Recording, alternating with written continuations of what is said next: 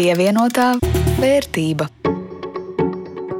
Sveicieni pirmdienā ar jums kopā raidījums pievienotā vērtība, un kā vienmēr to veido Jānis Ramāns no Latvijas radio un Rudīts Pakauska no Latvijas televīzijas. Un šodien parunāsim par Rīgas pievilcību investoru acīs un par to, vai Rīga ir vilinošāka nekā Latvija kopumā. Jau uzreiz atklāšu, jā, Rīga ir pievilcīgāka nekā Latvija kopumā, bet noslēgumā ieskatīsimies kādā no Baltijas biržas jaunpienācējiem - Elmorent. Šis uzņēmums piedāvā transporta līdzekļu koplietošanas pakalpojumus, un raidījuma otrajā pusē skaidrosim, cik interesantas šīs akcijas ir. Pievienotā vērtība. Par aktuālo pozitīvas ziņas Latvijas ekonomikai. Iekšzemes koprodukts šogad pirmajā pusgadā pieaudzis par 5,1% salīdzinot ar 2020. gada attiecīgo periodu. Tostarp otrajā ceturksnī pieaugums ekonomikā bijis straujāks nekā sākotnēji prognozēts. Pēc sezonāla un kalendāri nekorģētiem datiem IKP audzis par 11,1%. Un īpaši labi iet mūsu eksportētājiem. Jā, bet eksperti brīdina, ka līdz ar Covid-19 izplatības kārtējo pieaugumu Latvijā un pasaulē ekonomikas attīstības tempi rūks. Tomēr skaidri redzams, ka uzņēmēji pasaulē ir pielāgojušies vīrusu klātbūtnei un daudz labāk prot turpināt pelnīt. Krāpniekiem aizdītā nedēļa bijusi īpaši veiksmīga. No Latvijas iedzīvotājiem četru dienu laikā izmānīti vairāk nekā 415 tūkstoši eiro. Lauz tieši šajā statistikā nodrošina viens gadījums, kāds uzņēmums Liepājas pusē veids darījumu ar kādu uzņēmēju Ķīnā ar e-pasta starpniecību komunicēja.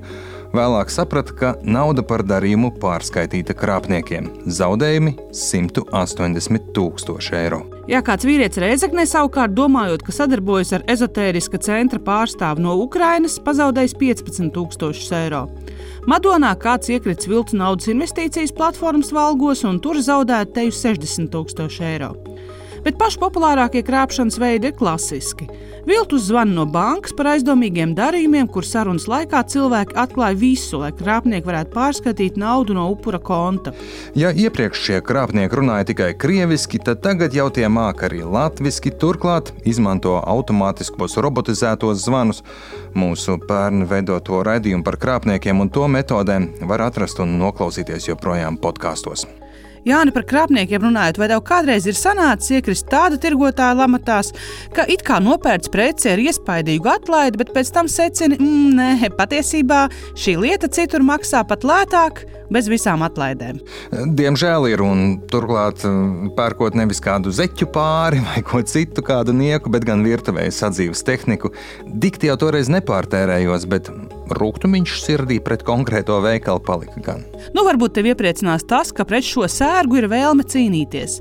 Ekonomikas ministrija izstrādājusi grozījumus noteikumos par to, kā drīkst noteikt atlaides un cenas, lai nebūtu tā, ka nu, īsu brīdi pirms atlaidēm tirgotāji mākslīgi paceļ milzīgas cenas, un tad atlaides procenti izskatās iespaidīgi.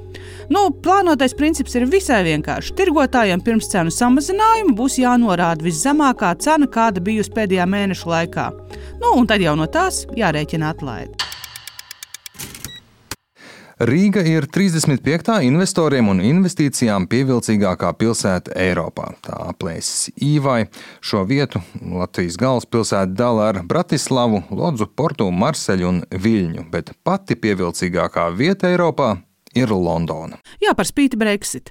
Bet vai 35. vieta tas ir labi un ko varam darīt nākotnē? Uz sarunu aicināja īvai stratēģijas un darījuma konsultācijas nodaļas vadītāju Baltijas valstīs Guntaru Krolu. Vispirms labās ziņas. 69% no tiem, kas jau investējuši Latvijā vai apsver to darīt, nākamajos gados vai nu veiks papildu investīcijas, vai arī plāno realizēt pirmo investīciju projektu. Bet nu, ne visa nākotne ir tik rožaina. Un lūk, mūsu sarunas fragments. Vienlaicīgi gan jāsaka, ka mm, šie paši aptaujātie uzņēmumu vadītāji pieminēja, ka Latvijas kā valsts pievilcība, nu, kā investīcija gala mērķim, tomēr, diemžēl, kritīs tuvākajos laikos, salīdzinot ar citām valstīm. Bet, nu, neskatoties uz to, labā ziņa ir tiešām, ka lielākā daļa saka, ka palielinās investīcijas šajā valstī. Pateikt, ka Latvijas pievilcība kritīs, tas ir uzreiz uzprasīties uz jautājumu, kāpēc kritīs. Tur ir jāņem ļoti daudz uh, faktoru vērā. Pirmais, uh, kādēļ investīcijas kopumā tiek veiktas, viens no iemesliem ir patēriņa tirgus lielums konkrētajā valstī. Un, uh, diemžēl Latvijas tirgus izmērs ir tik, cik ir, un daudziem investoriem šis varētu būt kritiskais faktors, kad viņi skatās uz Latviju kā savu preču vai pakalpojumu noiet valsti. Bet no ražošanas vai pakalpojumu sniegšanas viedokļa arī ir daudz šķēršļu, kas Latvijas konkurētspēju zināmā mērā samazinās. Tas ir gan izmaksu pieaugums, gan arī darba spēka pieejamība, kas jau šobrīd ir limitējošais faktors, ierobežojošais faktors daudzās nozarēs, piemēram, tajās pašās populārajās IT konsultācijās, programmēšanā un tam līdzīgi. Diemžēl daudz investori jau šajā virzienā neskatās, jo pieejamo speciālistu nepietiek tirgu. Vai Rīga ir pievilcīgāka nekā visa Latvija kopumā? Jā, un eh, jāsaka, godīgi, ka mūsdienās eh, konkurence starp valstīm ir ne tik daudz starp valstīm, vairāk kā starp pilsētām. Spēles noteikumi vai nodokļu likmes ir svarīgas salīdzinājumā starp valstīm un tam līdzīgi. Tomēr mūsdienās diezgan būtisks izvēles faktors ir teiksim, arī pilsēta, kurā attīstīt šo investīciju. Un no dažādas motivācijas atkal skatoties, vai tas ir investīcija tiek veikta, lai paplašinātu noietu tirgu vai lai būtu kā vieta, kur strādātu darbinieki un ļoti bieži vien strādātu, piemēram, Rīgā, bet eksportētu šo pakalpojumu pasaulē, kas varētu būt atkal šie paši IT startup uzņēmumi un tam līdzīgi. Tur galvenajam nosacījumam ir jābūt, lai Rīga ir vienkārši jauka vieta, kur dzīvot un strādāt un eksportēt pakalpojumus uz visu pasauli. 35. vieta, vai tas ir labi, vai tas ir varēja labāk? Es teiktu, tas ir diezgan izcili būt vienā teiksim, svara kategorijā ar tādām pilsētām kā Barcelona, piemēram. Ņemot vērā visus ierobežojumus, kas mums ir, es teiktu, tas ir ļoti labs rezultāts. To viennozīmīgi ir iespējams vēl tālāk uzlabot.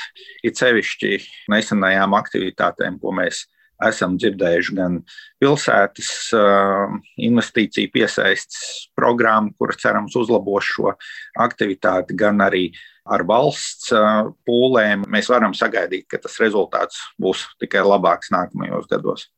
Mēs pieskārāmies pie tām lietām, kas ir labi. Es saprotu, pilsētvide ir ļoti svarīga investoram. Nu, tieši cik patīkami ir būt tajā pilsētā, kaut kāds atbalsts no pašvaldības, no valsts. Vai ir vēl kaut kādi aspekti, kas eh, palīdz tajā reitingā kāpt uz augšu? Jā, noteikti tie ir eh, darba spēka eh, pieejamība, speciālistu pieejamība konkrētajā pilsētā. Tajā pašā laikā mēs varam atsvaidzināt uh, tos argumentus vai faktorus, kuri būtu valstī kopumā jāuzlabo, lai piesaistītu e, investīcijas. Un tas ir pirmkārt e, politiskā un tādas regulātorās vidas stabilitāte, ko sagaida investori.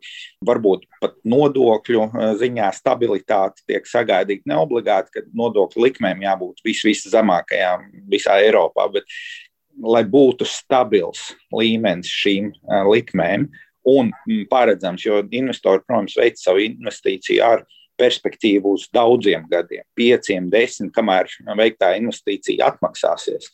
Un, protams, ja viņš sagaida pārsteigumi vai no nu, regulējošā ziņā, vai no likumdošanas viedokļa, vai nodokļu likmēm, tad, protams, viņiem nav pārliecības par šīs investīcijas veikšanu. Un, diemžēl vēsturiski uh, mēs neesam spējuši no valsts viedokļa pierādīt, ka būtu visstabilākā vide. Līdz ar to pie tā būtu vēl uh, gana daudz jāstrādā. Klau, Rudīt, kādēļ Tallina nav sarakstā? Es meklēju, neatradu. Nu, mana saruna biedra Gunara Krola versija bija, Tallina ir vienkārši pārāk maza pilsēta, lai tādos topos nokļūtu, nu vai arī laikapstākļi nav pārāk labi. Tomēr šo daļu par Tallinu un plašāk mūsu sarunu varat noklausīties raidierakstu vietnēs. Pievienotā vērtība. Bet nu pie mūsu portfeļiem.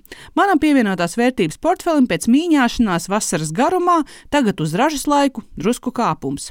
Nu pat portfelī esošajām akcijām 48% plusā. Nu, turklāt man vēl jāizdomā, kur ieguldīt 60 eiro, kurus ieguvu pārdodot jūras medicīnas centra akcijas. Nu, izskatās šobrīd, ka nāksies gaidīt virs šā vai Air Baltica ienākšanu tirgū. Bet kā tad tev klājas? Varbūt tomēr kaut ko saņēmies un pārdevi? Nē, nē šonadēļ sēdēju kluss, mierīgs un, jāteic, arī priecīgs. Igauni kūpanka turpina doties augšup kopš pirmā ieguldījuma pār novembrī. Šobrīd peļņa tuvojas jau 300%, un lai gan man jau tavs skaidīgais skatiens burtiski dur cauri, akciju portfeļu vērtība jau ir virs 500 eiro. Vidējais pieaugums 86% un vēl ap 40 eiro stāv un šobrīd neko nedara. Tos tiem viršiem pataupīt varbūt. Domāju, mums vajadzētu par viņiem kādā nākamajā raidījumā pastāstīt. Bet nākamais biržas sērijas stāsts ir par Igaunijas uzņēmumu Elmorent. Tas darbojas transporta līdzekļu koplietošanas jomā. Ko īsti uzņēmums dara un cik pievilcīgas varētu tā akcijas būt, skaidroja Linda Zalāna. Igaunijas uzņēmums Elmorent Baltijas biržas sarakstā nonāca pirms nedaudz vairāk kā diviem mēnešiem, kad IPO cena par vienu akciju bija 5 eiro. Pirmajā dienā akcijas cena uzleca pat par 46%. Tas nozīmē, ja akcija tika iegādāta IPO laikā, tad pirmajā dienā varēja jau piefiksēt tik lielu peļņu. Uzkrājuma ieguldījuma eksperts Kaspars Pēcinieks teica, ka pēc tam akciju cena ir kritusies un šobrīd tā atrodas tikai 11% augstāk nekā IPO cena. Ja skatāmies uz eh, finanšu rādītājiem, tad eh, pateicoties piesaistītiem līdzekļiem, kuri tika piesaistīti IPO procesa laikā, tad uh, Elmo Renters spēja būtiski audzēt tā flotā esošo transporta līdzekļu skaitu pat par 100%. Tas arī rezultējies ievērojamā pārdošanas apjoma pieaugumā, taču jāsaka, ka liela, kā jau lielākajai daļai straujas izaugsmas uzņēmumu, Nu, šādi uzņēmumi parasti strādā ar zaudējumiem, un arī, skatāmies uz šī gada pirmajiem sešiem mēnešiem, tad Elmo Renta ir strādājis ar zaudējumiem 185 eh, tūkstoši eiro apmērā, kas ir salīdzinoši daudz pie 303 tūkstoši eiro apgrozījuma. Lai gan nevar noliekt, ka Igaunijas transporta koplietošanas uzņēmums Elmorent ir uz izaugsmes ceļa un ar lielām ambīcijām, tomēr pagaidām pēc pēcnieku domām vēl ir pāragri vērtēt tā cenas un apgrozījuma attiecību, jo uzņēmums biržā ir nesen. Uzņēmuma akcijas šobrīd pārsvarā tiek vērtētas pēc nākotnes cerībām un iespējamo potenciālu, nevis pēc finanšu rādītājiem šodien. Un tomēr uzņēmums strādā karstā nišā, jo kāršēringi jeb koplietošanas autotirgus ir augošs visās trīs Baltijas valstīs. Tas no nozīmē, ka ne tikai pieprasījums ir ar augšupējošu tendenci, bet arī konkurentu kļūst vairāk. Kasparam Pēciniekam jautāja, vai ir vērts šobrīd iegādāties biržas jaunpienācēja Elmo renta akcijas. Kopumā man eh, Elmo renta akcijas eh, nešķiet pievilcīgas ieguldīšanai, lai arī uzņēmums ir strauji augošs un darbojas pēdiņās eh, stilīgā nozarē un pie tam ar vidē draudzīgiem transporta līdzekļiem konkurence nemitīgi pieaug, kas, manuprāt, apgrūtinās iespējas ilgtermiņā ģenerēt pietiekami augstu peļņas līmeni. Un šajā gadījumā es attiecīgi savu kapitālu izvēlēšos novirzīt eh, citām ieguldījumu iespējām. Faktu, ka konkurence koplietošanas autotirgu līdz ar pieprasījumu kāpumu samilst visās trīs Baltijas valstīs, apliecina arī kārguru vadītājs Vladimirs Reskājs. Viņa vadītais uzņēmums pat labi darbojas tikai Latvijā, bet nākotnē tas cer darboties arī citviet Baltijā. Ja vērtē Igaunijas tirgu, tad tajā darbojas trīs koplietošanas auto operatori, un Elmo Rent ir viens no mazākajiem un interesantākajiem spēlētājiem, jo savulaik šo uzņēmumu izveidoja Igaunijas valdība un pēc tam to pārņēma privāts uzņēmums. IPO veiksme pēc RSK domām bija negaidīta, bet tam ir izskaidrojums. Bet es domāju, ka tas primāri saistīts ar procesu Igaunijā, kas saistīti ar otru pensijas līmeni, kur faktiski Igaunijas valdība ļāva iedzīvotājiem pašiem pārvaldīt savus līdzekļus. Cik man zināms, tad viņu IPO mērķis uh, bija piesaistīt naudu, ar kuras palīdzību nu, viņi tad tiks sāks būvēt to, ko mēs jau attīstam trešo gadu paši, ja, un to, kas, pieņemsim, citiem spēlētājiem jau sen ir.